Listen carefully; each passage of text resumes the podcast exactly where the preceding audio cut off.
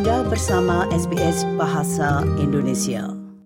Pemerintah federal telah mengumumkan perubahan yang dikatakan akan memberi siswa dari latar belakang pribumi, darah regional dan pinggiran kota akses yang lebih besar ke pendidikan universitas. Reformasi itu dikeluarkan dari laporan interim kesepakatan Universitas Australia yang baru dirilis dan mengatakan lebih banyak pekerjaan akan membutuhkan pendidikan universitas di tahun-tahun mendatang. Oleh sebab itu, diperlukan perubahan yang berani untuk jangka panjang.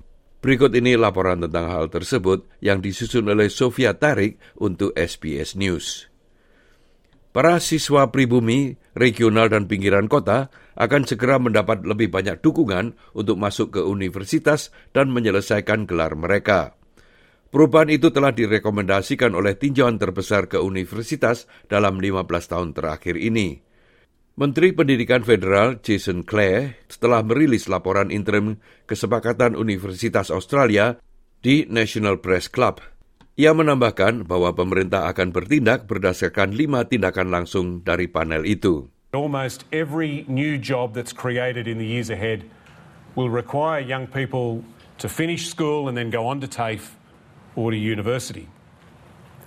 36% of the workforce today has a uni degree. This report estimates that that could jump to 55% by the middle of this century. Laporan interim itu berpendapat peningkatan yang signifikan dalam jumlah mahasiswa dari pinggiran kota, daerah, dan latar belakang miskin, siswa penyandang cacat, dan siswa pribumi diperlukan untuk mengisi keterampilan dan pekerjaan di masa depan. Menteri Claire mengatakan kesenjangan antara anak-anak ini dan mereka yang berada di antar kota, wilayah metropolitan yang bukan penduduk asli semakin besar. Untuk mengatasi hal ini, ia telah mengumumkan bahwa pemerintah akan membangun sampai 20 pusat studi universitas regional tambahan dan hingga 14 pusat studi universitas pinggiran kota. Pemerintah juga akan memperpanjang jaminan kelangsungan perguruan tinggi selama dua tahun ke depan untuk memberikan kepastian pendanaan kepada perguruan tinggi dengan beberapa syarat. Claire juga mengumumkan dua perubahan penting untuk membantu lebih banyak penduduk asli Australia masuk ke universitas dan menyelesaikan gelar mereka. Yang pertama adalah untuk memperluas dana yang digerakkan oleh permintaan untuk semua siswa bangsa pertama yang memenuhi syarat untuk kursus yang mereka lamar yang saat ini hanya berlaku untuk siswa Australia regional dan yang terpencil saja. Pemerintah juga akan menghapus aturan kelulusan 50% yang diperkenalkan sebagai bagian dari skema lulusan siap kerja pemerintah sebelumnya. The former government introduced a rule that if you had attempted at least eight study units and failed more than half, that you were not eligible for further Commonwealth support for that course. At Western Sydney University this year, it has already led to 1,350 students being forced to quit, most of them from poorer backgrounds. More than 13,000 students at 27 universities have already been hit by this. CEO dari Universities Australia, Katrina Jackson mengatakan badan puncak untuk sektor ini menyambut baik laporan sementara itu dan tindakan segera namun perlu berbuat lebih banyak untuk mendukung penelitian. Very pleased uh, with the announcements made today for the um, release of the interim report. Five actions uh, for action now. Uh, clearly, the government and the Accord panel have been listening to universities who said there were some things that couldn't wait.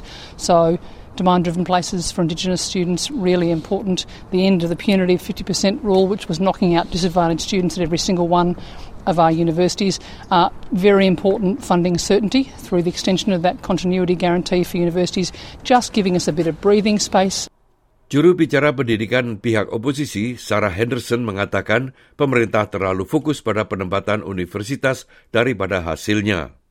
This was a really important opportunity to drive substantial reform in the higher education sector, but regrettably, based on what we've seen today in the reports, the government is focusing far too much on driving university places rather than focusing on student outcomes, putting students first.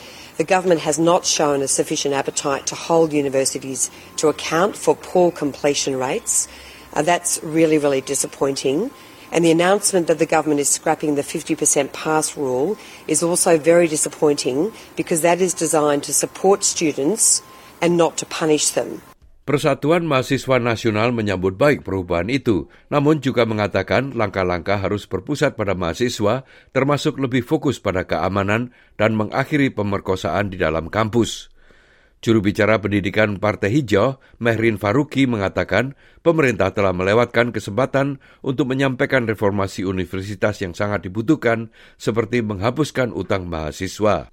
Laporan sementara itu juga mengidentifikasi 70 kemungkinan kebijakan lainnya yang sedang dipertimbangkan untuk dicantumkan dalam laporan akhir yang diperkirakan akan disampaikan pada bulan Desember.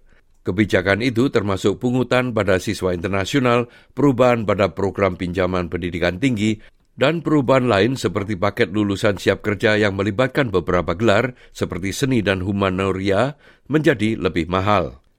Pendidikan juga merupakan salah satu bidang utama di mana pemerintah ingin agar suara aborigin dan penduduk Kepulauan Selat Torres ke parlemen memberikan nasihat mereka. Now, our system of government will not change. There's no, there won't be someone sitting in the cabinet room. There won't be someone who's not elected sitting in the parliament. And that's why I say this is a modest request. This is just an opportunity to listen. Now, the, the concern that Indigenous Australians have is about that practical outcomes of health and education sure. and housing and incarceration rates. We need to do better. Pendengar itulah tadi sebuah rangkuman tentang perubahan yang diusulkan untuk universitas yang disusun oleh Sofia Tarik untuk SBS News dan disampaikan oleh Ricky Kusumo. Anda ingin mendengar cerita-cerita seperti ini?